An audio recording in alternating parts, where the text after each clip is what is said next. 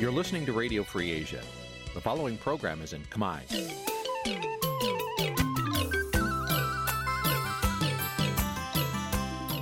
Nǐ chi càm bi tiệp xáy vệt chiu a zì sáy. នេះជាកម្មវិធីផ្សាយរបស់ Vithu Azisari ជាភាសាខ្មែរ វត្តឈូអាស៊ីសេរីសូមស្វាគមន៍លោកអ្នកនាងទាំងអស់ពីរដ្ឋធានី Washington នៃសហរដ្ឋអាមេរិក។ ចាប់ពីរដ្ឋធានី Washington នាងខ្ញុំម៉ៅសុធានីសូមជម្រាបសួរលោកអ្នកស្ដាប់ទាំងអស់ជាទីមេត្រីចាយើងខ្ញុំសូមជូនការផ្សាយសម្រាប់ព្រឹកថ្ងៃអាទិត្យ4កើតខែស្រាប ឆ្នាំថោះបัญចស័កពុទ្ធសករាជ2567ហើយដល់ត្រូវនៅថ្ងៃទី20ខែសីហាគ្រិស្តសករាជ2023ជាដំបូងនេះសូមអញ្ជើញលោកអ្នកនាងកញ្ញាស្ដាប់ព័ត៌មានប្រចាំថ្ងៃដែលមានមេត្តាដូចតទៅប រដ្ឋខ្មែរនៅក្រៅប្រទេសធ្វើបាតកម្មប្រឆាំងការឡើងកាន់អំណាចរបស់លោកហ៊ុនម៉ាណែត នៅថ្ងៃអាទិត្យនេះសហគមន៍មានតំណដីធ្លីនៅខេត្តកោះកុងត្រៀមតវ៉ាទាមទារឲ្យតុលាការដោះលែងតំណាងពួកគេទាំង9នាក់ប្រជាប្រដ្ឋតវ៉ាឲ្យភាគីម្ចាស់បរិយាពិភពថ្មី បន្ធូរបន្ថយការបង់ប្រាក់និងកិត្តគូប្រាក់ដែលបានបង់រំលោះបាន50%ជានេសាទខេត្តបាត់ដំបងត្អូញត្អែពីផលត្រីធ្លាក់ចុះដោយសារបាត់ល្មើសនេសាទនិងការប្រែប្រួលរបបទឹករួមនឹងព័ត៌មានសំខាន់សំខាន់មួយចំនួនទៀតចាត់ជាបន្តទៅទៀតនេះនាងខ្ញុំម៉ៃសុធានីសូមជូនព័ត៌មានទាំងនោះពឺស្ដាប់ ចាលោកដានៀងជាទីមេត្រីក្រមប្រជាប្រដ្ឋខ្មែរនៅប្រទេសកូរ៉េខាងត្បូងនិងនៅប្រទេសជប៉ុនជិត1000នាក់ក្រុងធ្វើបាតកម្មនៅថ្ងៃអាទិត្យនេះប្រឆាំងនឹងលោកហ៊ុនម៉ាណែតឡើងជានាយករដ្ឋមន្ត្រីបន្ថែមពីនេះប្រជាប្រដ្ឋនៅរដ្ឋមួយចំនួននៅសហរដ្ឋអាមេរិកនេះវិញក៏នាំគ្នាធ្វើបាតកម្មប្រឆាំងការផ្ទេរអំណាចតពូជរបស់ត្រកូលហ៊ុនជាប្រធានាធិបតី Washington លោកយុនសាមៀននៃការព័ត៌មាននេះ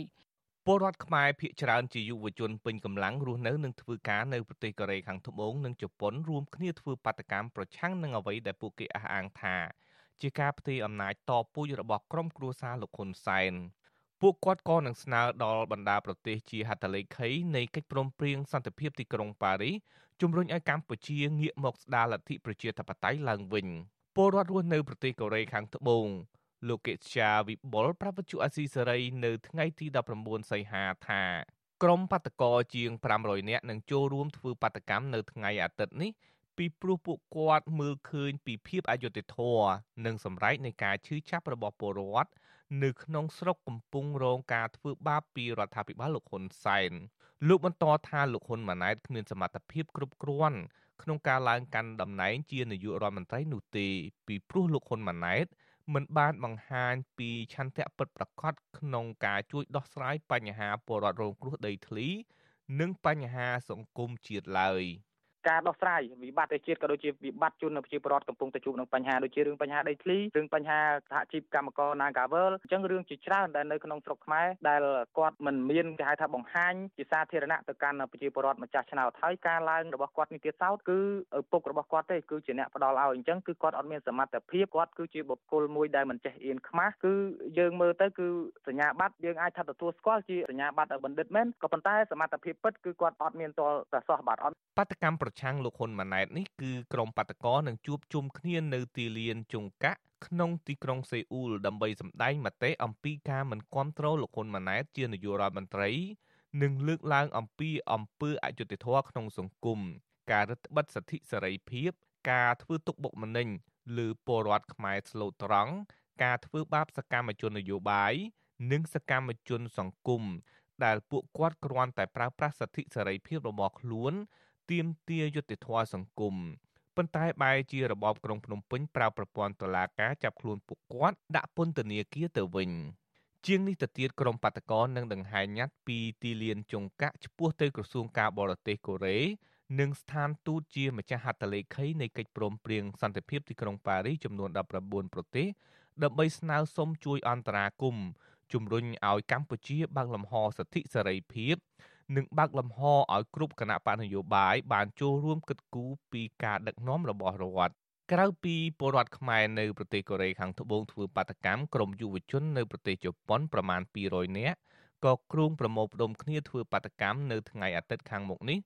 នៅក្នុងបរិវេណសួនអូរីណូទីក្រុងតូក្យូប្រឆាំងដាច់អហង្ការចំពោះការផ្ទេរអំណាចដឹកនាំប្រទេសតពូជដែលពួកគាត់អះអាងថាជាការប្រឆាំងពីគោលការណ៍រដ្ឋធម្មនុញ្ញ ពលរដ្ឋខ្មែរនៅជប៉ុន លោកស្រីនិបបូរ៉ាថ្លែងថាលោកស្រីគ្មានជំនឿលើការដឹកនាំរបស់លោកហ៊ុនម៉ាណែតដែលអាចនឹងឲ្យមានលទ្ធិប្រជាធិបតេយ្យពលរដ្ឋរស់នៅមានជីវភាពសមរម្យនោះទេលោកស្រីបន្តថាអំពើអយុត្តិធម៌នៅក្នុងសង្គមកាន់តែបន្តកើនឡើងហើយជាមូលហេតុធ្វើឲ្យពលរដ្ឋខ្មែរនៅក្រៅប្រទេសប្រមូលផ្ដុំធ្វើបាតកម្មប្រឆាំងនឹងរបបផ្ដាច់ការលោកហ៊ុនសែន ចា៎ស្ដាយណាស់យើងមិនអាចឈរអោបដៃមើលទិភាពមួយដែលដឹកនាំទៅរំលោភសិទ្ធិមនុស្សបំផ្លាញនៃប្រជាធិបតេយ្យបំបិទនៃសិទ្ធិសេរីភាពប្រជាពលរដ្ឋហើយក្នុងនាមយើងមកនៅប្រទេសសេរីដែលមានសេរីភាពត្រឹមត្រូវក្នុងការបញ្ចេញមតិក៏ដូចជាស្នើសុំទៅរដ្ឋាភិបាលយើងឃើញកម្ពុជាអត់មានសិទ្ធិក្នុងការធ្វើបែបហ្នឹងទេហើយអ្វីដែលយើងធ្វើបានគឺយើងតែងតែបញ្ចេញសម្លេងនៅពីខាងក្រៅជំនួសអ្នកនៅក្នុងស្រុកដែលគាត់មិនអាចនិយាយបាន ដោយឡែកសហគមន៍ខ្មែរនៅសហរដ្ឋអាមេរិកក៏នឹងធ្វើបាតកម្មនៅថ្ងៃអាទិត្យដូចគ្នា នៅទីក្រុង Lowell រដ្ឋ Massachusetts ដើម្បីបង្ហាញពីសាមគ្គីភាពក្នុងនាមជាពលរដ្ឋស្រឡាញ់លទ្ធិប្រជាធិបតេយ្យនិងប្រឆាំងនឹងអំពើអយុត្តិធម៌នៅក្នុងសង្គមវត្ថុអសីសេរីមិនទាន់អាចតាក់ទងណែនាំពាក្យគណៈបកប្រជាជនកម្ពុជាលោកសុកអេសាន ដើម្បីសុំអត្ថាធិប្បាយជុំវិញបញ្ហានេះបានទេនៅថ្ងៃទី19ខែសីហា តាក់ទងទៅនឹងបញ្ហានេះនាយកទទួលបន្ទុកកិច្ចការទូតទៅនៃអង្គការលីកាដូលោកអំសំអាតមានប្រសាសន៍ថាការធ្វើបាតកម្មដោយអហិង្សារបស់ក្រមពលរដ្ឋនេះគឺជាសិទ្ធិសេរីភាពដូច្នេះរដ្ឋាភិបាលគួរតែទទួលយកមតិរិះគន់របស់ពលរដ្ឋដើម្បីកែលម្អចំណុចខ្វះខាតលោកបន្តថារដ្ឋាភិបាលគួរតែបើកលំហសិទ្ធិសេរីភាពឡើងវិញដើម្បីបញ្ជៀសការរិះគន់អំពីបញ្ហារំលោភសិទ្ធិមនុស្សនិងនយោបាយ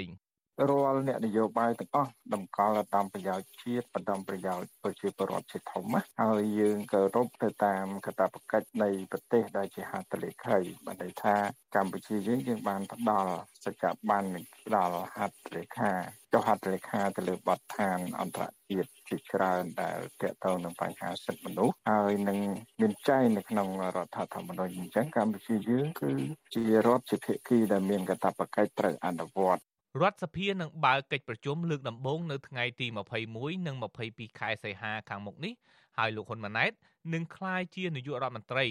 តាមការចង់បានរបស់លោកហ៊ុនសែនជាឪពុករបស់លោក កាលពីថ្ងៃទី23កក្កដាកន្លងទៅក្រមយុវជនខ្មែរនៅក្រៅប្រទេសក៏បានធ្វើបាតកម្មប្រឆាំងនឹងការបោះឆ្នោតដែរដោយពួកគាត់ចាត់ទុកថាជាការបោះឆ្នោតបង្ក្រប់កិច្ចនិងធ្វើឲ្យលទ្ធិប្រជាធិបតេយ្យនៅកម្ពុជាដើរថយក្រោយ។ ពីព្រោះរដ្ឋាភិបាលលោកហ៊ុនសែនបានផាត់ចោលគណៈបកភ្លើងទៀនចេញពីការបោះឆ្នោតខ្ញុំយុនសាមៀនវិទ្យុអាស៊ីសេរីប្រធានាធិបតី Washington ចាលោកដានៀងជាទីមេត្រីក្នុងចំណោមសមាជិកគណៈរដ្ឋមន្ត្រីថ្មីរបស់លោកហ៊ុនម៉ាណែតក៏មានរដ្ឋមន្ត្រីវ័យក្មេងមួយរូបដែលនឹងឡើងមកស៊ីកេឪមិនខុសពីលោកហ៊ុនម៉ាណែតទេ ចាលោកជារដ្ឋមន្ត្រីម្នាក់ដែលទំនងជាគិតគូរពីរឿងសម្រាប់ខ្លួនឯងនិងប្រពន្ធកូន និងការពារត្រកូលច្រើនជាងគិតគូរពីប្រយោជន៍ប្រជាពលរដ្ឋហើយនិងការពារជាតិតើរដ្ឋមន្ត្រីវ័យក្មេងចាយសម្រស់ដែលត្រូវត្រកូលហ៊ុនបោកប្រាវមួយគ្រា ដើម្បីសម្រេចមហិច្ឆតាផ្ទៃអំណាចតពូជនេះគឺជានរណាចាសសេចក្តីរាយការណ៍ពុស្ដាអំពីរឿងនេះលោកដានៀងនឹងបានស្ដាប់នាពេលបន្តិចទៀតនេះ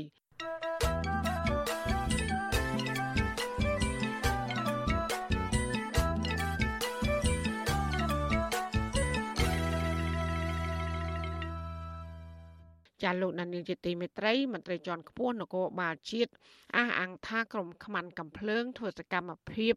រំដោះអ្នកទោសមេខ្លោងគ្រឿងញៀនជនជាតិតៃវ៉ាន់កាលពីថ្ងៃទី17ខែសីហានោះគឺមានអង្គភាពចាត់តាំងច្បាស់លាស់និងរៀបចំផែនការជាង2ខែមុននឹងពួកក្រុមក្រិតជនទាំងនោះចេញប្រតិបត្តិការ ចាមន្ត្រីសង្គមស៊ីវិលយល់ឃើញថាស្ថាប័នពាក់ព័ន្ធគួរតែស៊ើបអង្កេតរកអ្នកពាក់ព័ន្ធពិតប្រាកដនិងចាត់វិធានការឲ្យមានប្រសិទ្ធភាពចាលោកថាថៃរិកាព័ត៌មាននេះ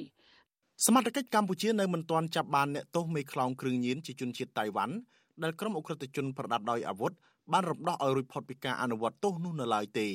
បើទោះបីជាយ៉ាងណាមន្ត្រីជាន់ខ្ពស់នគរបាលជាតិអះអាងថា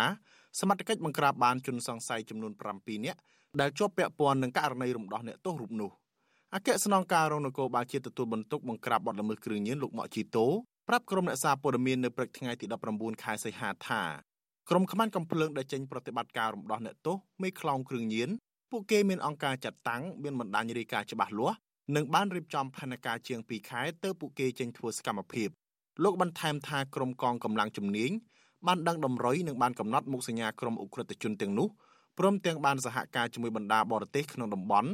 និងបណ្ដាអង្គភាពតាមច្រកទ្វារព្រំដែនច្រកទ្វារអន្តរជាតិនិងកម្លាំងនៃអគ្គស្នងការនគរបាលបណ្ដាខេត្តនានាតាមចាប់ក្រុមអ ுக ្រិតជន និងមេខ្លោងគ្រឿងញៀនដែលកំពុងរត់គេចខ្លួនយកមកអនុវត្តទោសវិញ។ យើងខ្ញុំបានសហប្រតិបត្តិការជាមួយបណ្ដាប្រទេសជិតខាងក្រមបទបញ្ជាដ៏តឹងរឹងមើងម៉ាត់របស់ឯកឧត្តមនាយឧត្តមនឹងទេវដិតកស្នងការកោជាតិបន្តស្រាវជ្រាវរកអាពួកនេះឲ្យទាល់តែឃើញនិយាយយ៉ាងនេះជាការងារជំនាញសម្ងាត់បនកោបាលបានន័យថាយើងបានដឹងអស់ហើយអ្នកណាខ្លះអត្តសញ្ញាណយ៉ាងម៉េចហើយជឿជាក់ថាក្នុងពេលខ្លីនេះយើងនឹងក្រាបបានចាប់បានហើយមួយវិញទៀតនោះគឺថាមានជាចាមអារាមពាក់ព័ន្ធនឹងផ្ទៃក្នុងរហូតដល់ជាពិសេសខាងអ្នកប្រឆាំងគេនិយាយមកនឹងពាក់ព័ន្ធផ្ទៃក្នុងបានធ្វើបានចំពោះនគរបាលជាតិយើងអត់សង្ស័យទេប៉ុន្តែយើងត្រូវតែស្រាវជ្រាវរករកឲ្យឃើញលោកម៉ាក់ជីតូអះអាងថាក្នុងចំណោមជនសង្ស័យចំនួន7នាក់ដែលកម្លាំងសមត្ថកិច្ចបង្ក្រាបបានក្នុងនោះមាន6នាក់ជាជនជាតិខ្មែរកាន់លិខិតឆ្លងដែនអាមេរិកនិងម្នាក់ទៀតជាជនជាតិចិនមានលិខិតឆ្លងដែនអាមេរិកដែរលោកអះអាងថាអ្នកទាំងនេះគឺជាក្រុមស៊ីឈ្នួលធ្វើសកម្មភាពលោកម៉ាក់ជីតូទទួលស្គាល់ថាមន្ត្រីពន្ធនាគារខេត្តសៀមរាបមានភាពធ្វេសប្រហែសហើយលោកអះអាងថានឹងបន្តការស្រាវជ្រាវចំពោះការចាត់ប្រកាសថាករណីនេះ អាចមានការខົບខិតគ្នាជាមួយនឹងមន្ត្រីអាជ្ញាធរទោះបីជាយ៉ាងណាលោកម៉ាក់ជីតូមិនចង់ឲ្យអ្នកសារព័ត៌មានសួរដេញដោលជំវិញករណីនេះច្រើនឡើយគណៈអគ្គស្នងការនគរបាលជាតិក៏មិនបានបង្ហាញរបាយការណ៍ឲ្យបានគ្រប់ជ្រុងជ្រោយជាពិសេសពាក់ព័ន្ធនឹងឯកសារលិខិតឆ្លងដែនរបស់ជនសង្ស័យទាំង7នាក់ក្រៅពីនេះលោកក៏មិនបានបញ្ជាក់ឲ្យបានស៊ីជម្រៅអំពីមូលហេតុដែលក្រុមខ្មាន់កំភ្លើងទាំងនោះ បានដឹងអំពីពេលវេលាច្បាស់លាស់និងទីតាំងជាក់លាក់មុនពេលពួកគេធ្វើប្រតិបត្តិការក្នុងគ្រាមន្ត្រីពន្ធនាគារបញ្ជូនអ្នកទោសរូបនោះទៅព្យាបាលថ្មីនៅគ្លីនិកថ្មីជុំចន្ទាក្នុងខេត្តសៀមរាបកាលពីព្រឹកថ្ងៃទី17ខែសីហាជនល្មើសមានគ្នា5នាក់ពាក់ស្រោមមុខប្រដាប់ដោយកំភ្លើងតកណុងគ្រប់ដៃបានសម្រុកចូលទៅរំដោះអ្នកទោសឈ្មោះឆេនស៊ីនហានជាប់ទោសចំនួន52ឆ្នាំពីបទជួញដូរគ្រឿងញៀនក្នុងគ្រាដែលមន្ត្រីពន្ធនាគារបញ្ជូនអ្នកទោសរូបនោះ ទៅព្យាបាលថ្មិញនៅគ្លីនិកថ្មិញជុំចិន្តាក្នុងខេត្តសៀមរាបជុំវិញរឿងនេះអ្នកនាំពាក្យសមាគមការពារសិទ្ធិមនុស្សអាត់ហុកលោកសង្សានករណាមានប្រសាសន៍ថាករណីក្រុមខ្មាន់កំភ្លើងចូលរំដោះអ្នកទោសនេះធ្វើឲ្យមហាជនជាច្រើននៅមានមន្ទិលសង្ស័យនិងជារឿងគួរឲ្យព្រួយបារម្ភសម្រាប់សន្តិសុខជាតិលោកបន្ថែមថាប្រសិនបើជនសង្ស័យទាំង7នាក់ដែលសមត្ថកិច្ចបង្ក្រាបបានពិតជាបានប្រព្រឹត្តបទល្មើសមែននោះ គឺជារឿងសាទរត្បិតលោកថាក្រុមអង្គការសង្គមស៊ីវិលពុំអាចមានព័ត៌មានអ្វីដើម្បីបញ្ជាក់ថាជនសង្ស័យទាំងនោះជាអ្នកប្រព្រឹត្តក្រៅពីសមត្ថកិច្ចចង់បង្ហាញព័ត៌មាននោះទេ ទោះបីយ៉ាងណាក៏ដោយរឿងហេតុការណ៍ហ្នឹងវាបានកើតឡើងហើយវាមានកម្រិតហ្នឹងដែលធ្វើឲ្យពលរដ្ឋកម្ពុជាយើងដែលធ្វើការតាមដានខ្លមមើលហ្នឹងមានការព្រួយបារម្ភពីព្រោះកម្រិតទុកទាន់អ្នកដែលត្រូវបានរំដោះហ្នឹងគឺជាអ ுக ្រិតជនឃើញមានការប្លង់ចោលនៅរថយន្តហើយនឹងអាវុធទំនើបទំនើបអីទាំងអស់នេះវាធ្វើឲ្យសាធារណជនក៏ដូចជាពលរដ្ឋយើងនឹងមានការព្រួយបារម្ភថាវាអាចប៉ះពាល់ទៅដល់សន្តិសុខសង្គមអីទាំងអស់នេះ លោកសង្សានករណីជំរុញដល់អាជ្ញាធរគូតែបង្ហាញព័ត៌មានក្នុងករណីនេះឲ្យបានទូលំទូលាយនិងបើកឱកាសឲ្យអ្នកសារព័ត៌មានអាចស៊ូដេញដោលប្រកបដោយតម្លាភាពដើម្បីធានាអំពីប្រសិទ្ធភាពការងាររបស់មន្ត្រីដែលមានទូនាទីអនុវត្តច្បាប់លើសពីនេះលោកព្រួយបារម្ភថាប្រសិនបើករណីនេះពុំមានស្ថាប័នពាក់ព័ន្ធស៊ើបអង្កេតឲ្យបានស៊ីជម្រៅរោគមេខ្លងពិតប្រកបនៅពីក្រោយខ្នងក្រុមខ្មាន់កំភ្លើងរំដោះអ្នកទោសនេះវានឹងអាចកើតមានដដែលដដែល ដែលនឹងធ្វើឲ្យប៉ះពាល់ដល់សន្តិសុខសង្គមនិងបង្កការភ័យខ្លាចដល់ប្រជាពលរដ្ឋខ្ញុំថាថៃពីទីក្រុងមែលប៊នចាលោកនានីជាទីមេត្រីពាក់ព័ន្ធនឹងក្រុមខ្មាន់កំភ្លើងធ្វើសកម្មភាព រំដោះអ្នកទោសមេខ្លោងគ្រឿងញៀនជនជាតិតៃវ៉ាន់នេះអតីតអ្នកជាប់ឃុំរិះគន់អាញាធរពន្ធនាគារហើយនឹងតុលាការថានៅតែអនុវត្តស្តង់ដារ2ចំពោះអ្នកជាប់ឃុំ ពួកគេមើលឃើញថាអ្នកជាប់ឃុំខ្លះដែលជាអក្រិតជនមានលុយអាចទទួលបានការសម្រាកព្យាបាលនៅឯមន្ទីរពេទ្យខាងក្រៅស្របពេលដែលអ្នកទោសមនសិការដែលមានជំងឺធ្ងន់ធ្ងរមិនទទួលបានការអនុញ្ញាតឲ្យសម្រាប់ព្យាបាលនៅមន្ទីរពេទ្យខាងក្រៅនោះឡើយចាសសេចក្តីរាយការណ៍ពីស្ដាមពីរឿងនេះលោកណានៀងក៏នឹងបានស្ដាប់នាពេលបន្តិចទៀតនេះ លោកណានៀងជាទីមេត្រីដំណើរធាននឹងស្ដាប់ការផ្សាយរបស់វិទ្យុអសីសេរីតាមបណ្ដាញសង្គម Facebook YouTube និង Telegram លោកណានៀងក៏អាចស្ដាប់ការផ្សាយរបស់យើងតាមរលក ធាតុអាកាសខ្លីឬ Shortwave តាមកម្រិតនិងកម្ពស់ដូចតទៅ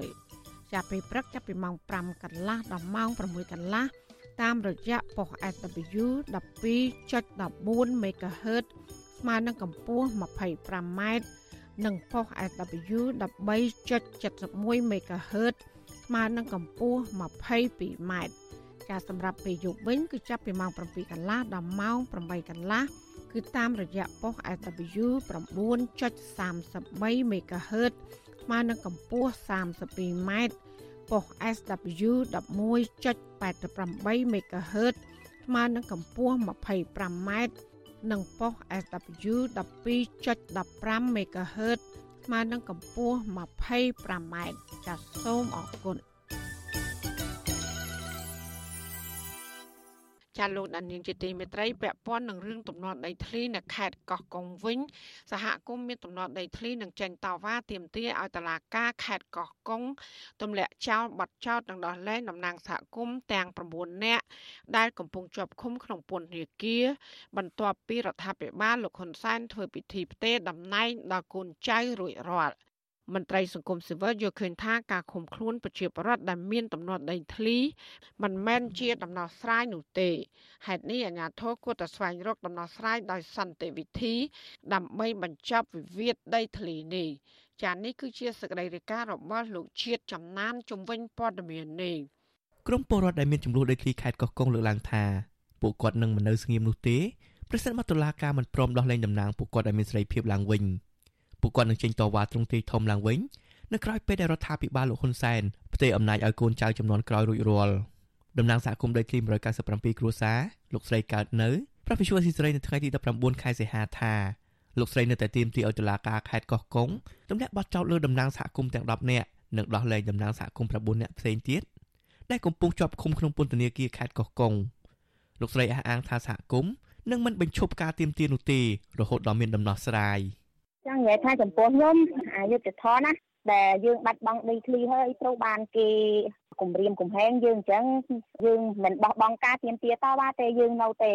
បន្តទៀមទាតវ៉ាលុះត្រាតែមានដំណោះស្រាយអញ្ចឹងឈប់ស្រដៀងគ្នានេះដែរលោកស្រីប៉ាងនីនដែលជាកូនស្រីរបស់លោកស្រីដេតហួរដែលកំពុងជាប់ឃុំនៅក្នុងពន្ធនាគារខេត្តកោះកុងប្រាប់អាស៊ីសេរីថាសហគមន៍របស់លោកស្រីនឹងធ្វើយុទ្ធនាការតាមបណ្ដាញសង្គម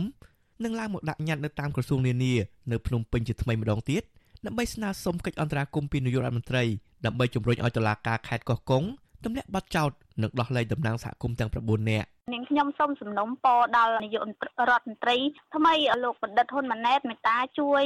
រកយុត្តិធម៌ឲ្យពួកខ្ញុំនិងជំរុញមកធ្វើការអន្តរាគមន៍ជំរុញមកតុលាការខេត្តកោះកុងនឹងឲ្យទម្លាក់បទចោទប្រកាន់ព្រមទាំងដោះលែងសកម្មជនដីធ្លីទាំង9រូបឲ្យមានសិទ្ធិសេរីភាពឡើងវិញ វិសុវអាស៊ីសេរីពុំអាចតាក់ទងអ្នកនាំពាក្យស្លាកដំបងខេត្តកោះកុងលោកស៊ូសុវណ្ណរានិងអភិបាលខេត្តកោះកុងអ្នកស្រីមិថុនាពូថងដើម្បីសុំការឆ្លើយតបសំណើនេះបានទេនៅថ្ងៃទី19ខែសីហាទោះជាយ៉ាងណាក្តីប្រធានសហគមន៍ការពារសិទ្ធិមនុស្សអាត់ហុកលោកនីសុខាសង្កេតឃើញថាចំនួនដីធ្លីដរ៉ាំរៃដែលអូបន្លាយពេលជាង10ឆ្នាំនេះអាញាធរនៅតែពុំទាន់បង្ហាញពីយន្តការដោះស្រាយដោយសន្តិវិធីដើម្បីបញ្ចប់ចំនួនដីធ្លីនោះទេហើយការខាត់ខ្លួនសហគមន៍ ក៏មិនមែនជាដំណោះស្រាយនោះដែរលោកបន្ថែមថាការឃុំខ្លួននេះនឹងបង្ហាញឲ្យឃើញពីរូបភាពនៃការធ្វើទុកបុកម្នេញនិងបំបាក់ស្មារតីដល់សកម្មជនដីធ្លីដែលហ៊ានចេញមុខទាមទារស្វែងរកយុត្តិធម៌ នៅពេលដែលប្រព័ន្ធតុលាការមិនអាចផ្ដល់យុត្តិធម៌ឲ្យពួកគាត់បានពួកគាត់ត្រូវតែមានការប្រមូលផ្ដុំគ្នាជួបជុំគ្នាដើម្បីស្វះស្វែងរកអន្តរាគមន៍ពីរដ្ឋតំណាងរដ្ឋាភិបាលឬក៏ពីក្រសួងដែលជាតំណាងស្ថាប័នរដ្ឋនេះដើម្បីជួយដោះស្រាយឲ្យវាស្របទៅនឹងគោលការណ៍រដ្ឋធម្មនុញ្ញនិយាយអំពីថាសំណើទាំងឡាយរបស់ប្រជាពលរដ្ឋត្រូវបានពិនិត្យនិងដោះស្រាយយ៉ាងម៉ត់ចត់ពីសំណាក់អង្គការរដ្ឋនៅឯណាបាទតើតើរដ្ឋធម្មនុញ្ញមាត្រានឹងអនុវត្តនៅឯណាបាទហើយយើងដល់ពេលប្រជាពលរដ្ឋឡើងទៅរកដាក់ដាក់សំណើទៅដល់រដ្ឋបែរជាតុលាការទៅចោទប្រកាន់ថាទៅបត់ញុះញង់បត់អីណានោះទៅវិញអានោះវាជារូបភាពមួយដែលបំពេញទៅលើច្បាប់បំពេញទៅលើសិទ្ធិសេរីភាពរបស់ប្រជាពលរដ្ឋបំពេញទៅលើមាត្រារដ្ឋធម្មនុញ្ញកាលពីថ្ងៃទី15ខែសីហាស្លាដំបងខេត្តកោះកុងបានប្រកាសសារក្រមលើសំណុំរឿងរបស់តំណាងសហគមន៍ដីធ្លី197ដោយសម្រេចឲ្យតំណាងសហគមន៍ចំនួន10នាក់ជាប់ពន្ធនាគារមួយឆ្នាំពីបទញុះញង់ឲ្យប្រព្រឹត្តអំពើ បង្កឲ្យមានភាពវឹកវរធ្ងន់ធ្ងរដល់សន្តិសុខសង្គមនិងបាត់បរិហាបង្កាច់គេនិងបានសម្រេចឲ្យតំណាងសហគមន៍សងសំណង40លានរៀលឬស្មើប្រមាណ10000ដុល្លារអាមេរិកទៅកាន់មន្ត្រីជាន់ខ្ពស់នៃក្រសួងមហាផ្ទៃលោកហេងហ៊ុយ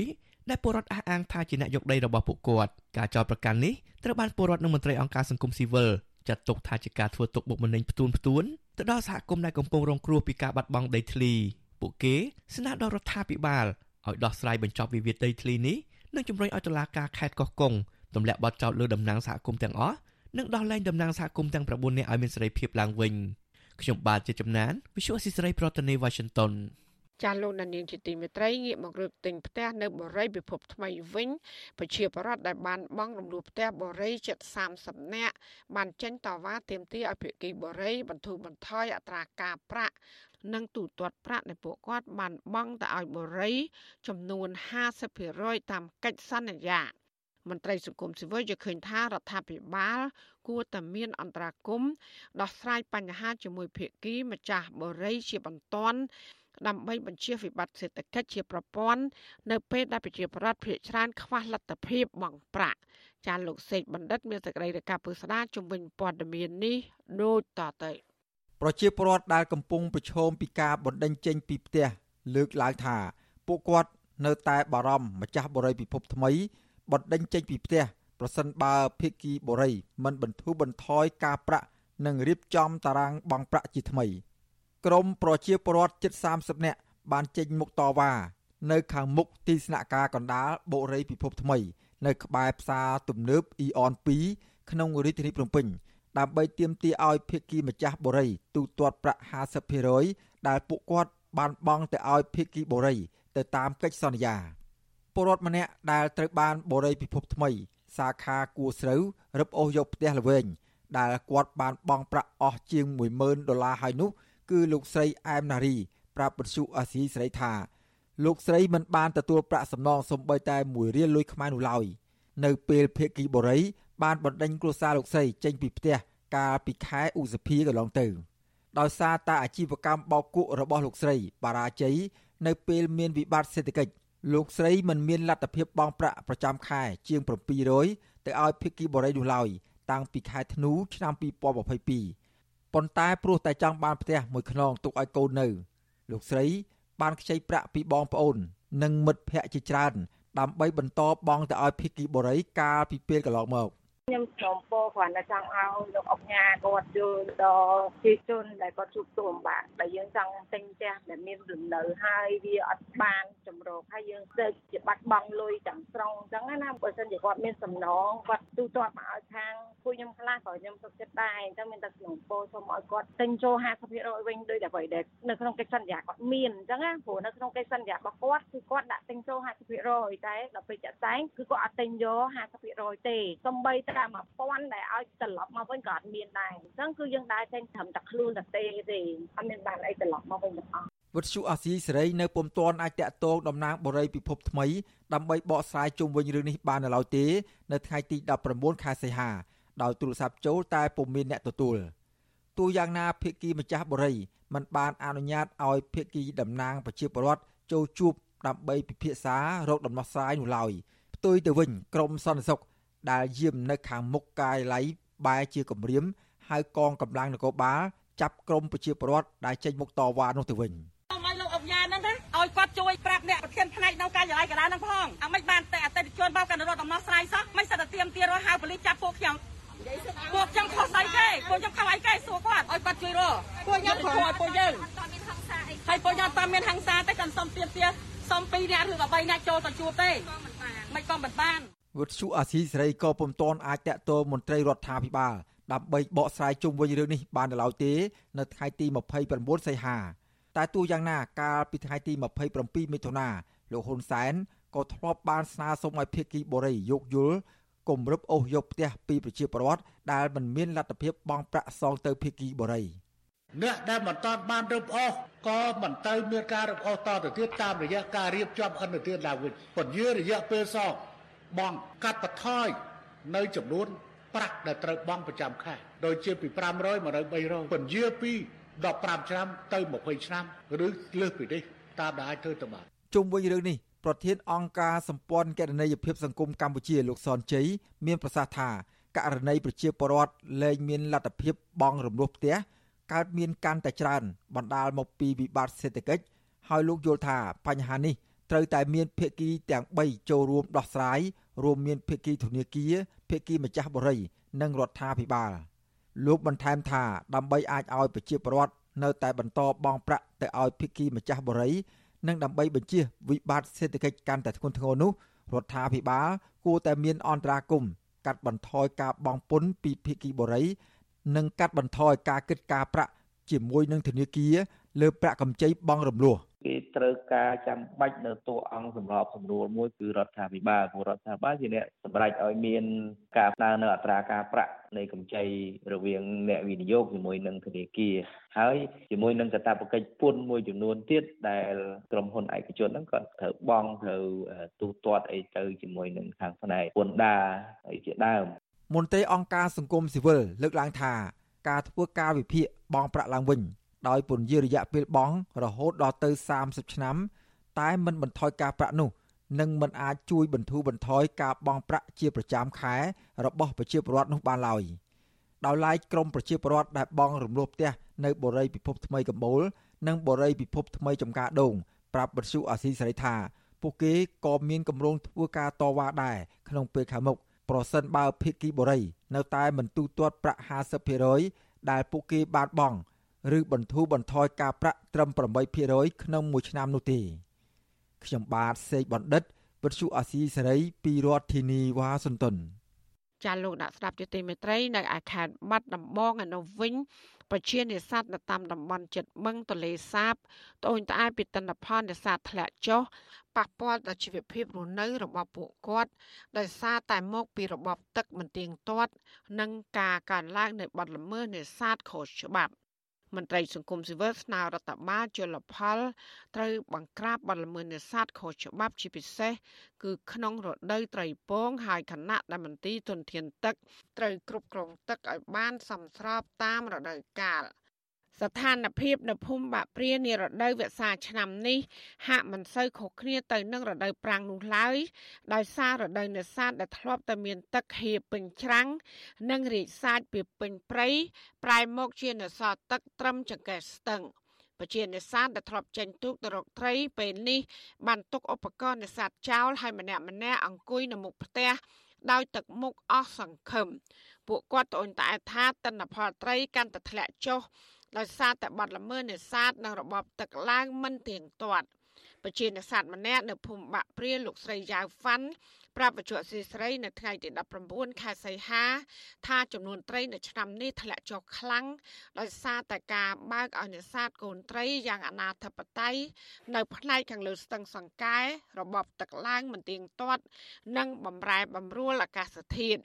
លោកស្រីថាការបិទទ្វារទឹកទំនប់សាឡាតាអន កាលពីដើមខែសីហាបានបណ្ដាលឲ្យស្ទឹងសង្កែនៅផ្នែកខាងក្រោមរីងដល់បាត់ស្ទឹងដែលបណ្ដាលឲ្យបាត់បង់ជំរកត្រីសូម្បីតែពពួកក្តាមខ្យងនិងអន្ទង់មួយចំនួនទៀតក៏បានងាប់អស់ជាច្រើនផងដែរ លោកស្រីថាដើម្បីដោះស្រាយជីវភាពក្នុងគ្រាដ៏លំបាកនេះលោកស្រីនិងប្រជានេសាទដតីទៀតដែលរើសខ្យងលក់ហើយខ្លះទៀតដែលស៊ីឈ្នួលគេ ដើម្បីរងចាំទឹកជំនន់មកដល់អើយមិនបតោថាបាត់ល្មើសនេះសាតាមុខគាត់ទេបតោរឿងទឹកផងណាមួយប្រាំងមិញវារីងអត់ទៅដូចវាដាច់ពូជត្រីតាមស្ទឹងអស់ធម្មជាតិវាស្ងួតទៀតណាមួយធ្វើឲ្យគ្នារីងទឹកទៅសំបីតែខ្ចៅ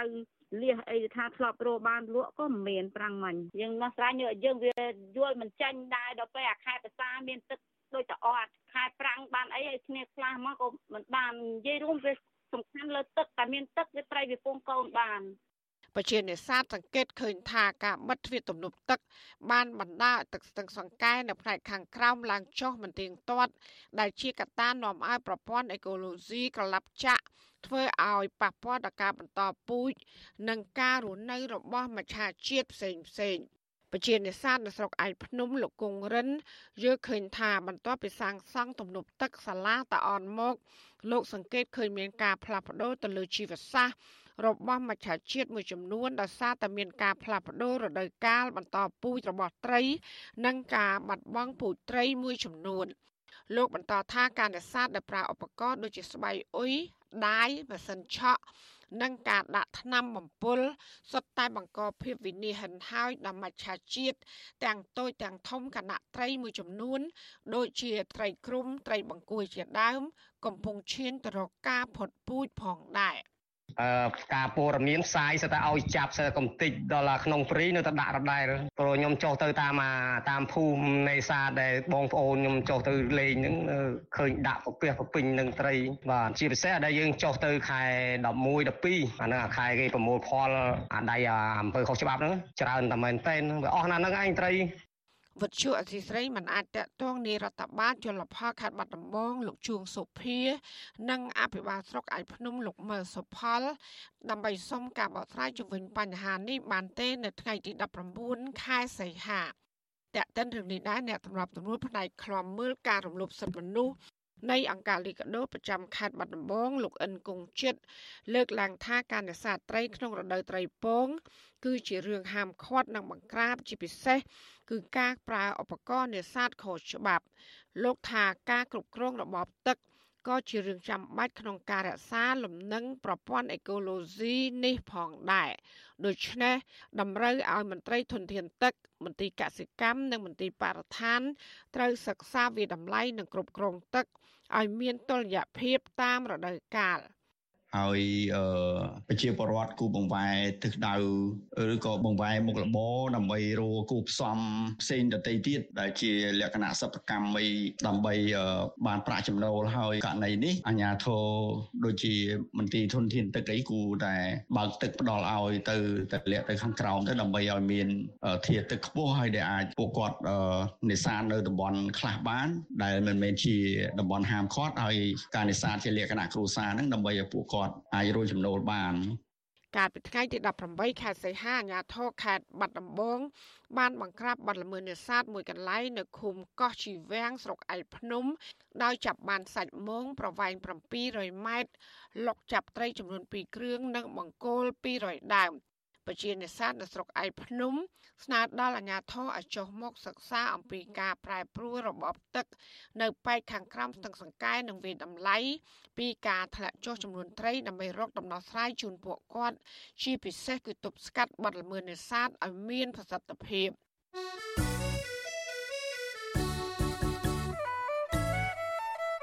ជាលោកនានីជាទីមេត្រីកម្មវិធី podcast កម្ពុជាសប្តាហ៍នេះ របស់វិទ្យុអសីស្រីចេញផ្សាយនៅរៀងរាល់ព្រឹកថ្ងៃសៅរ៍នៃសប្តាហ៍នីមួយៗម៉ោងនៅប្រទេសកម្ពុជា កម្មវិធីនេះរៀបចំដោយនាយកនិងនាយករងនៃកម្មវិធីការផ្សាយរបស់វិទ្យុអសីស្រីជាភាសាខ្មែរគឺលោកសំពូលីនិងលោកជុនច័ន្ទបុតចាសសូមប្រិយមិត្តស្វែងរកនិងស្ដាប់ podcast របស់យើង នៅលើកម្មវិធី podcast របស់ Apple, Google និង Spotify ដោយគ្រាន់តែសរសេរពាក្យថាកម្ពុជាសប្តាហ៍នេះឬ Cambodia this week ដោយក្នុងប្រអប់ស្វែងរកតែយើងក៏នឹងចាប់ផ្សាយ podcast នេះឡើងវិញនៅក្នុងការផ្សាយផ្ទាល់របស់យើងតាមបណ្ដាញសង្គម Facebook YouTube និង Telegram នៅរៀងរាល់យប់ថ្ងៃច័ន្ទចាសសូមអរគុណ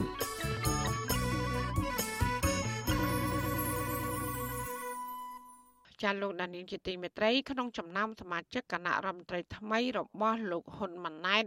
មានរដ្ឋមន្ត្រីវ័យក្មេងមួយរូបដែលនឹងឡើងមកស៊ីគេឪ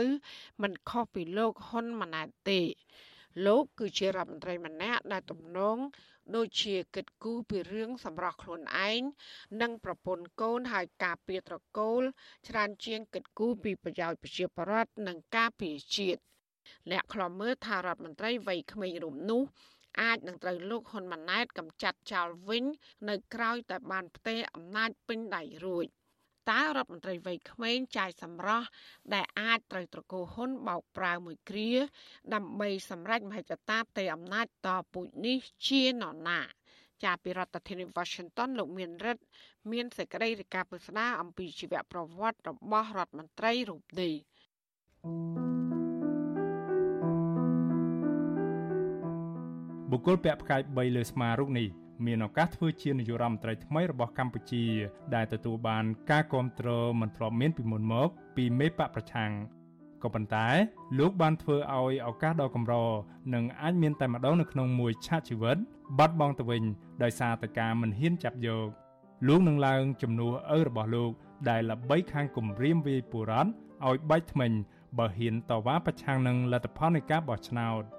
មន្ត្រីរូបនេះគឺគ្មាននរណាក្រៅតែពីកូនប្រុសទី2របស់លោកទាបាញ់នោះទេ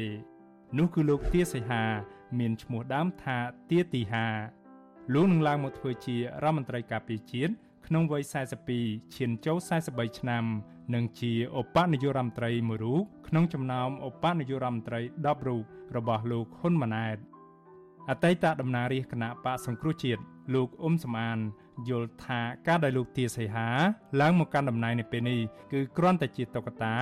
ឬទីងមុងមួយ ដែលត្រូវក្រុមតកោហ៊ុនបោកប្រើ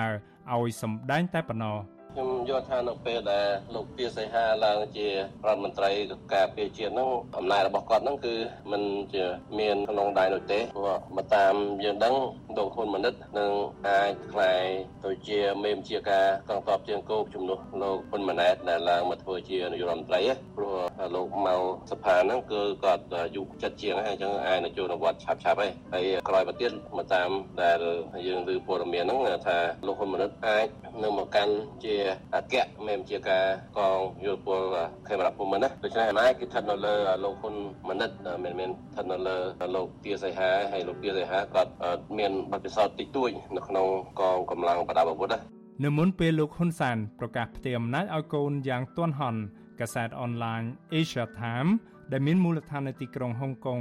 បានរាយការណ៍កាលពីថ្ងៃទី7ខែមីនាថា លោកទាបាញ់កំពុងទប់ទល់និងអាចបំផ្លាញផែនការផ្ទេរអំណាចតពូជរបស់លោកហ៊ុនសានខណៈលោកទាបាញ់គឺជាមនុស្សគន្លឹះម្នាក់ក្នុងការរក្សាទំនាក់ទំនងស្អិតល្មួតរវាងកម្ពុជានិងប្រទេសចិនភ្លាមភ្លាមក្រោយពីការចុះផ្សាយនោះមេដឹកនាំបកប្រឆាំងនិងជាប្រធានស្ដីទីគណៈបកសង្គ្រោះជាតិលោកសំរាស៊ីបានប្រកាសគាំទ្របេក្ខភាពលោកទាសីហា ជានាយករដ្ឋមន្ត្រីថ្មីសម្រាប់រដ្ឋសភាអាណត្តិទី7នេះក៏ប៉ុន្តែ ការប្រកាសគាំទ្ររបស់មេបពប្រឆាំងបែបនេះមិនត្រូវបានលោកទាសីហា និងឪពុករបស់លោកទទួលយកនោះឡើយ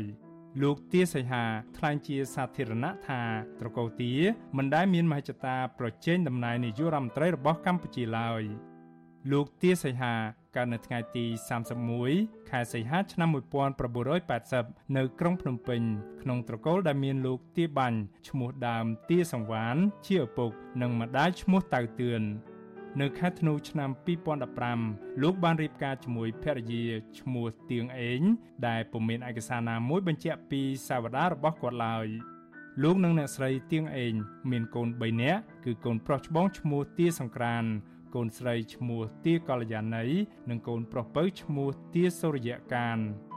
កាលពីនៅកុមារភាពលោកបានរៀននៅសាលាបឋមសិក្សាចតុមុខមុននឹងបន្តការសិក្សាកម្រិតមធ្យមសិក្សានៅសាលាមួយនៅទីក្រុងលីយ៉ុងនៃប្រទេសបារាំងចាប់ពីឆ្នាំ1993លោកបានបញ្ចប់បរិញ្ញាបត្រផ្នែកពាណិជ្ជកម្មពីមហាវិទ្យាល័យនៅទីក្រុងប៉ារីក្នុងឆ្នាំ2001ក្រោយមកលោកបានចូលសិក្សារយៈពេល1ឆ្នាំនៅសាលាទីហ៊ានល្បីឈ្មោះមួយនៅទីក្រុងប៉ារី វិសុវអាស៊ីស្រីបានតាក់ទងទៅសាលាទាំងនោះដើម្បីសុំបញ្ជាក់ពីប្រវត្តិសិក្សារបស់លោកទាសីហានៅទីនោះក៏ប៉ុន្តែពុំទាន់ទទួលបានការឆ្លើយតបណាមួយនៅឡើយទេ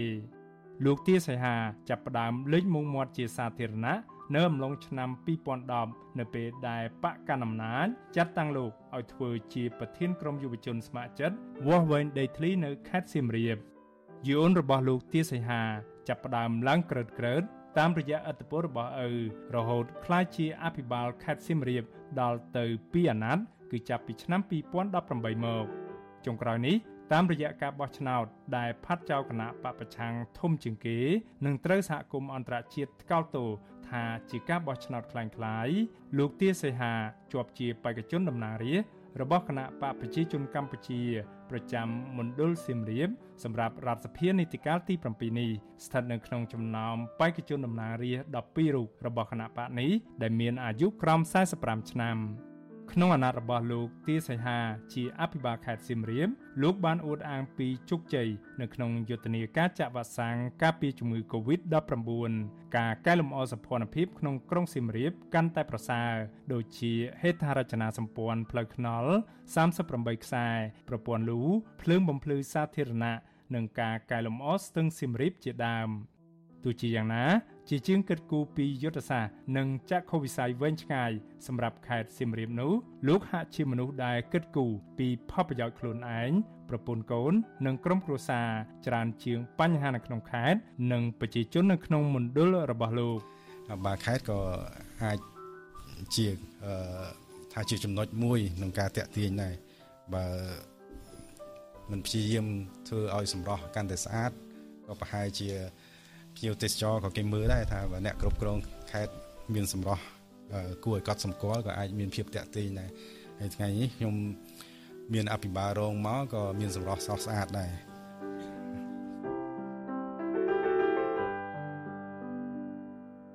មន្ត្រីរាជការម្នាក់នៅខេត្តសៀមរាប ថ្លែងក្នុងលក្ខខណ្ឌសុំមិនបញ្ចេញឈ្មោះយល់ថាលោកទាសីហា ជាមេដឹកនាំដែលមិនសូវយកចិត្តទុកដាក់ចំពោះប្រជាពលរដ្ឋនោះទេ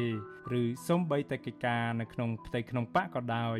គាត់មិនមានសមត្ថភាពគ្រប់គ្រាន់ក្នុងការដឹកនាំជាតិវាវាអត់មានគុណសម្បត្តិឬក៏បន្សល់នៅអីដែលគួរឲ្យចាប់អារម្មណ៍គួរជាទីតាក់ទាញខ្ញុំជាត្រីរាជការមួយរូបហើយក៏ជាប្រជាពលរដ្ឋខ្មែរមួយរូប នៅនៅក្នុងតំបន់ខេត្តសៀមរាបផ្ទាល់នេះវាមើលទៅវានៅមានកម្រិតក្នុងអារម្មណ៍ក្នុងបេះដូងរបស់ខ្ញុំស្ថិតនៅក្នុងកម្រិតមួយដែលមិនអាចគ្រប់ជ្រុងជ្រោយដែលភាពជាអ្នកដឹកនាំកាដូដ៏ធំមួយដែលជាចំណងដៃរបស់លោកទាសីហាបន្សល់ទុកសម្រាប់អ្នកខេត្តសៀមរាបគឺគ្មានអ្វីក្រៅតែពីការបណ្ដេញចេញទៀមបង្ខំពលរដ្ឋជាង10000គ្រួសារពីតំបន់អង្គរទៅតំបន់រុនតាឯកដែលគ្មានហេដ្ឋារចនាសម្ព័ន្ធចាំបាច់សម្រាប់ការរស់នៅដោយសមរម្យ អង្គការលើកលែងទោសអន្តរជាតិ Amnesty International ហៅវិធានការនេះថា ជាការជំលះពលរដ្ឋពីលំនៅឋាន ដោយបង្ខំដល់សម្បើម នៅតំបន់អង្គរវិសុវអសីស្រីមិនអាចតាក់ទងលោកទាសីហា ដើម្បីសុំការអធិប្បាយជុំវិញការលើកឡើង និងការចោទប្រកាន់ទាំងនេះបាននៅឡើយទេ ទោះជាយ៉ាងណាអ្នកនាំពាក្យគណៈបកប្រជាជនកម្ពុជា លោកសុកអេសានថ្លែងការពីថាលោកទាសីហា មានលក្ខណៈសម្បត្តិគ្រប់គ្រាន់ទើបបានជាថ្នាក់ដឹកនាំសម្រាប់ឲ្យលោកឡើងធ្វើជារដ្ឋមន្ត្រីការពារជាតិ ខ្ញុំមិនបានដឹងពីប្រវត្តិទេក៏ប៉ុន្តែខ្ញុំយល់ថាសិតតែគ្រប់លក្ខណៈសម្បត្តិអានឹងបានរាជរដ្ឋាភិបាលប្រធានគណៈបកលោកជ្រើសរើសដើម្បីនឹងដាក់ឲ្យតាមកន្លែងនីមួយនីមួយសមស្របទៅតាមលក្ខណៈវិនិច្ឆ័យរបស់គុណសម្បត្តិស្របទៅតាមគុណសម្បត្តិនិងគណៈវិនិច្ឆ័យរបស់បុគ្គលម្នាក់ម្នាក់បាទ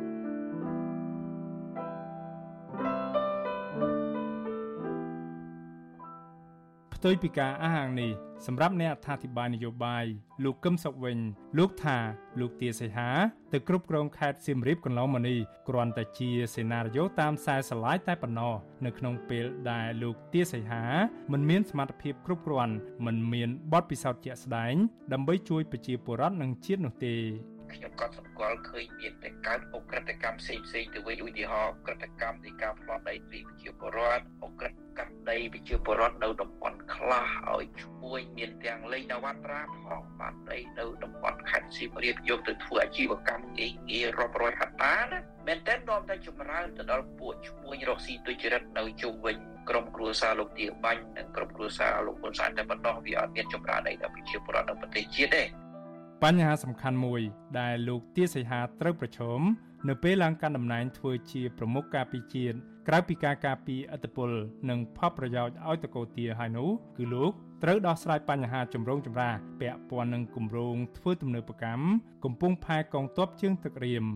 សាររដ្ឋអាមេរិកនិងក្រុមប្រទេសលោកខាងលិចដាក់ការសង្ស័យថាកម្ពុជាអាចលួចអនុញ្ញាតឲ្យកងទ័ពរំដោះប្រជាជនចិនឈរជើង និងដាក់មូលដ្ឋានទ័ពនៅទីនោះ។ ប្រសិនបើលោកទាសីហាមិនអាចដោះស្រាយបញ្ហានេះបានទេហើយឈានទៅសម្ពោធដាក់ឲ្យប្រើប្រាស់កំពុងផែរៀមនេះជាផ្លូវការក្នុងនាមជារដ្ឋមន្ត្រីការពារជាតិនោះនោះលោកអាចនឹងក្លាយជាគោលដៅបន្ទាប់នៃការដាក់ទណ្ឌកម្មរបស់សហរដ្ឋអាមេរិកខណៈពូរបស់លោកម្នាក់គឺលោកទាវិញកំពុងជាប់ទណ្ឌកម្មពីអាមេរិកស្រាប់រីឯឪរបស់លោកវិញ ក៏ធ្លាប់ត្រូវអតីតតំណាងរាស្ត្រអាមេរិកស្នើឈ្មោះក្នុងបញ្ជីដាក់ទណ្ឌកម្មបង្កកទ្រព្យសម្បត្តិនិងរដ្ឋបិទទឹកធការប្រសិនបើសេចក្តីស្នើច្បាប់ដាក់ទណ្ឌកម្មចូលជាធរមានអ្នកអធិប្បាយនយោបាយលោកកឹមសុខលើកឡើងថាលោកទាសីហាពុំមានសមត្ថភាពដោះស្រាយរឿងកំពង់ផែរៀមនេះទេរឿងសង់កំពង់ផែសមុទ្ររៀមដែលមានការជាប់ពាក់ព័ន្ធ ទៅនឹងកងទ័ពចិនរឿងនេះមួយមិនមែនទាបាញ់និងទាសីហាអាចទៅដោះស្រាយបានទេគឺទាបាញ់និងទាសីហាយកចំណុចរឿងនឹងជាគន្លឹះអែបឲ្យជាប់ចិនជួយជួយរុញចិនអនុវត្តផែនការនឹងឲ្យលឿនដើម្បីបានអធិពលយកទៅតថ្លៃអំណាចជាមួយហ៊ុនសែនពីព្រោះហ៊ុនសែនអត់ចិនមិនបានដែរហើយទីពីរធំគឺក្រមលោកទាបាញ់នឹងមានផលប្រយោជន៍ជ្រៅណាស់ជាមួយនឹងយោធាថៃ ជាពិសេសការរកស៊ីខុសច្បាប់នៅច្រកសមុទ្រដូចជាដុតព្រៃដូចជាដឹកព្រៃខុសច្បាប់ដឹកឈើខុសច្បាប់ជាដើមនិងមានគម្រោងផ្សេងផ្សេងទៀតអានឹងគឺជាឥទ្ធិពលនៃការពង្រាយកម្លាំងផងប្រដាប់អាវុធផងព្រមទាំងលុយកាក់ផងទៅចិញ្ចឹមអំណាចក្រុមគ្រួសារហ៊ុនហើយក្រោយហ្នឹងអំណាចរដ្ឋាភិបាលក្រុមគ្រួសារហ៊ុនប៉ុន្តែក្រុមលោកទាបាច់នៅមានឥទ្ធិពលទាំងអស់នឹងដែលអាចឈួរជើងនឹងជាមួយក្រុមគ្រួសារហ៊ុនបានទៅតថ្លៃអំណាចជាមួយក្រុមគ្រួសារហ៊ុនណា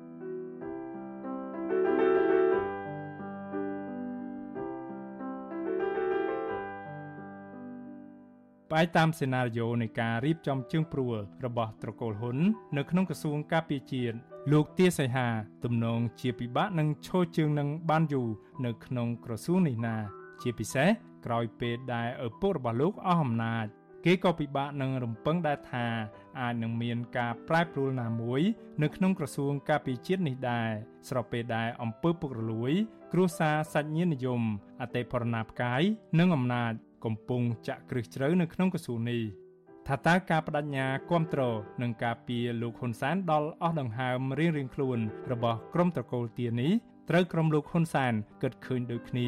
និងប្រព្រឹត្តមកវិញដូចគ្នាដែរឬយ៉ាងណានោះឬក៏គ្រាន់តែជាករណីពីលស៊ីពីលនោះលោកអ៊ុំសំអានប្រមានថាមិនយូរមិនឆាប់លោកទាសីហាអាចនឹងត្រូវលោកហ៊ុនម៉ាណែតឬក្រុមគ្រួសារតកូលហ៊ុនកំចាត់ចោលប៉ះសិនបើពួកគេគិតថាលោកទាសីហាអាចជាឆ្អឹងតឹងកនៃការរក្សាអំណាចរបស់តកូលហ៊ុន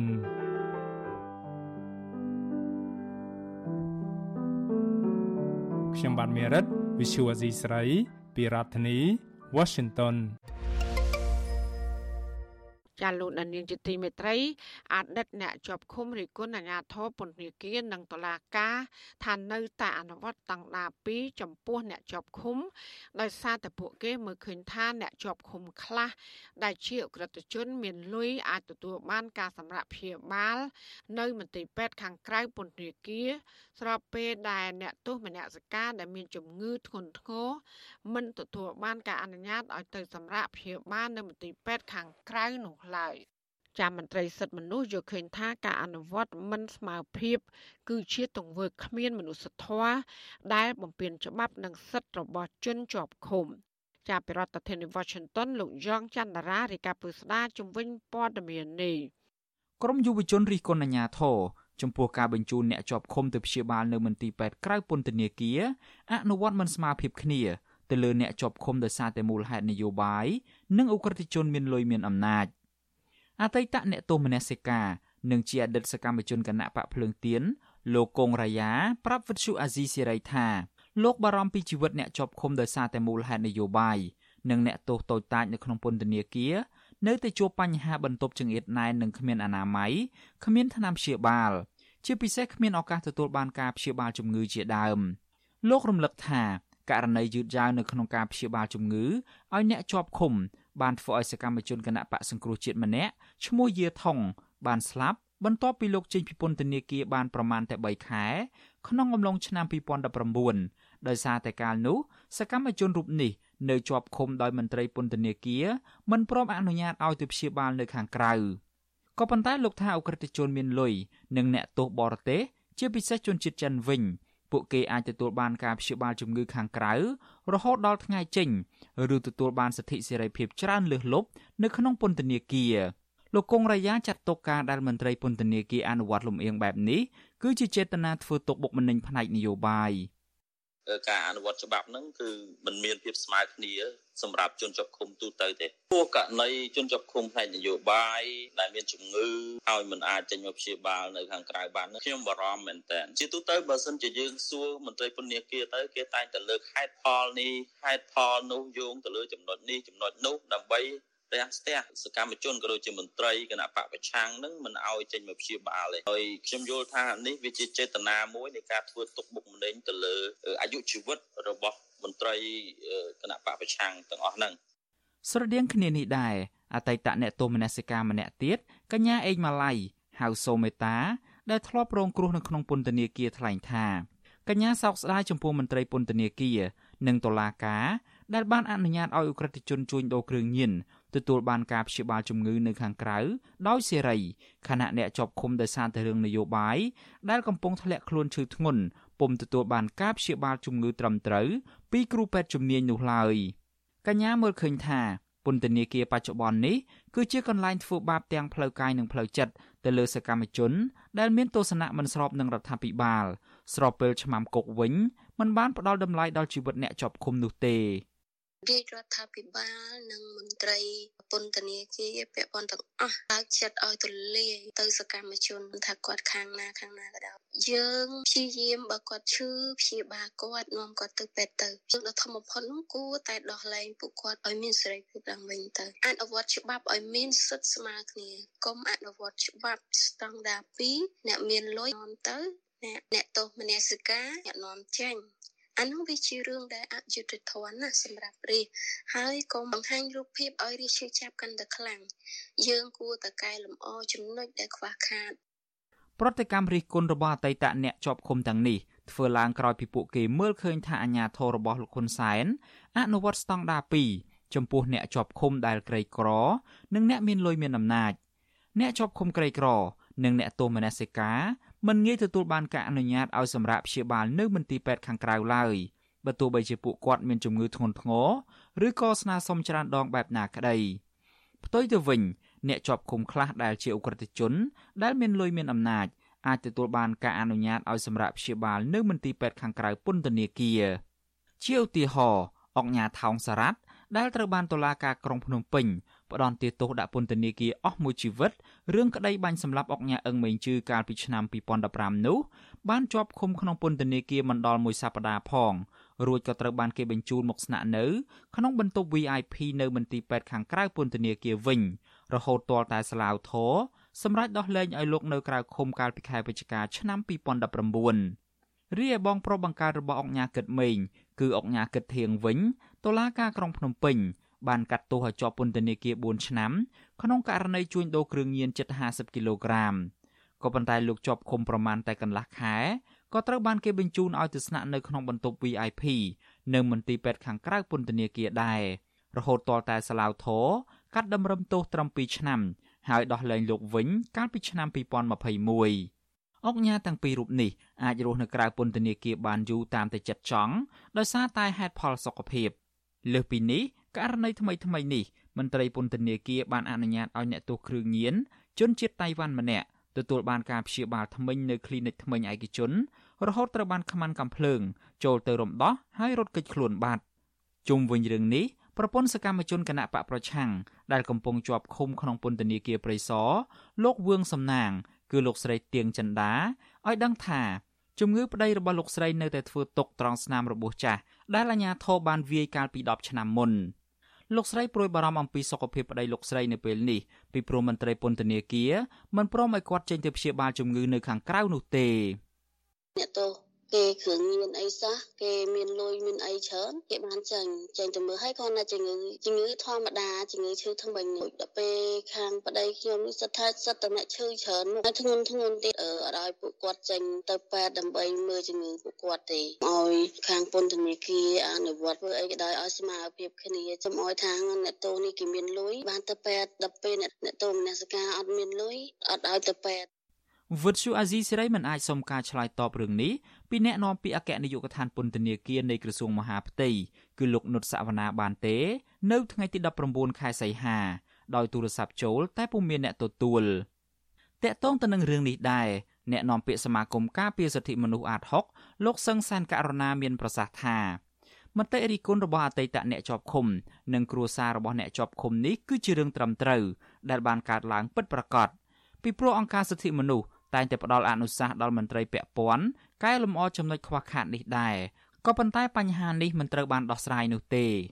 លោកស្នើដល់មន្ត្រីពន្ធនាគារអនុវត្តឲ្យបានស្មារភាពគ្នាចំពោះអ្នកជាប់ឃុំ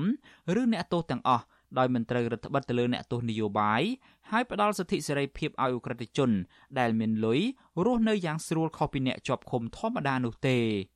ការលើកឡើងរបស់ក្រមគ្រួសារជនរងគ្រោះឬក៏យុវជនដែលធ្លាប់ជាប់ឃុំនៅពន្ធនាគារអីទាំងអស់នេះវាសិតសឹងតែជាតកតាងបញ្ជាក់យ៉ាងច្បាស់ថាករណីដែលធ្វើទុកបុកម្នេញទៅលើក្រមសកម្មជននយោបាយទុយគ្នាពីពួកអ ுக ្រិតជនដែលបំផ្លាញមនុស្សជាតិបំផ្លាញសង្គមអីទាំងអស់នេះអានេះជារឿងបង្ហាញអំពីអំពើអគុណធម៌សម្រាប់បំពេញតួនាទីនឹងការងាររបស់មន្ត្រីទាំងអស់ហ្នឹង មកដល់ពេលនេះអ្នកជាប់ឃុំក្រោមហេតុផលនយោបាយយ៉ាងតិច3នាក់កំពុងធ្លាក់ខ្លួនឈឺធ្ងន់និងមានសកម្មជនផ្សេងទៀតមានជំងឺច្រើនមុខដោយសារតែបរិយាកាសរស់នៅក្នុងពន្ធនាគារគ្មានអនាម័យនិងមិនបានយកចិត្តទុកដាក់ចំពោះសុខភាពអ្នកជាប់ឃុំក្នុងនោះអនុប្រធានគណៈបកភ្លើងទៀនលោកថាច់សេថាកំពុងមានជំងឺបេះដូងឡើងជាតិអាស៊ីតនិងលើសជាតិស្ករ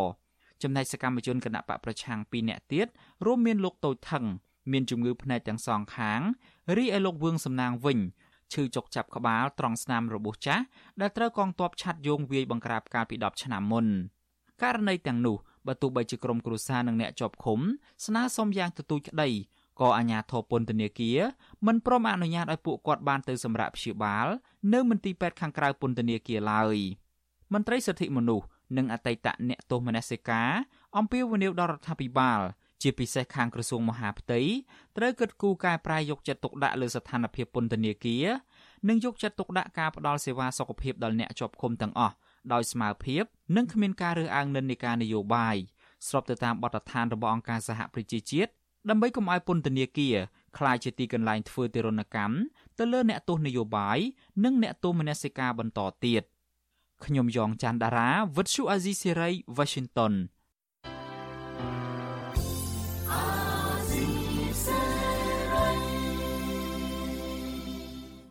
ចាលោកលានាងកញ្ញាអ្នកស្ដាប់ជាទីមេត្រីការផ្សាយរយៈពេល1ម៉ោងរបស់វិទ្យុអាស៊ីស្រីជាភាសាខ្មែរនៅពេលនេះចាប់តែប៉ុណ្ណេះចាយើងខ្ញុំទាំងអស់គ្នាសូមជូនពរលោកលានាងនិងក្រុមគ្រួសារទាំងអស់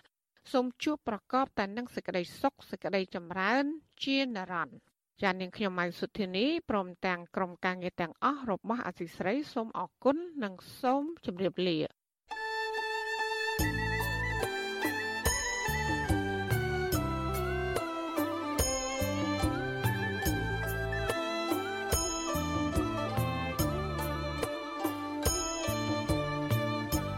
វិទ្យុអាស៊ីសេរីផ្សាយតាមរលក ធាតុអាកាសខ្លីតាមកម្រិត និងកម្ពស់ដូចតទៅនេះ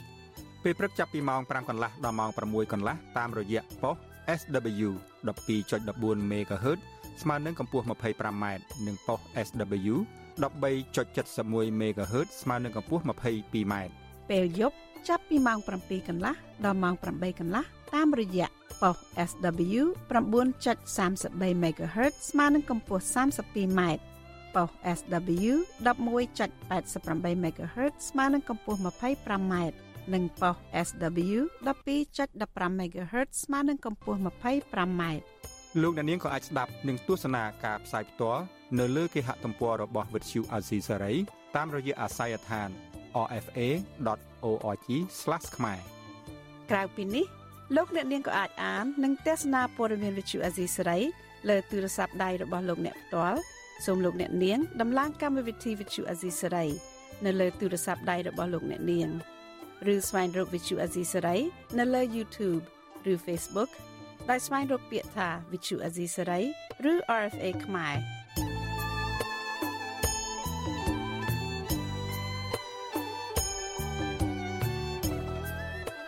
សូមលោកអ្នកនាងចុច like follow និងចុច subscribe ដើម្បីទទួលបានព័ត៌មានថ្មីៗទាន់ហេតុការណ៍ និងទស្សនាវីដេអូផ្សេងៗទៀតបានគ្រប់ពេលវេលា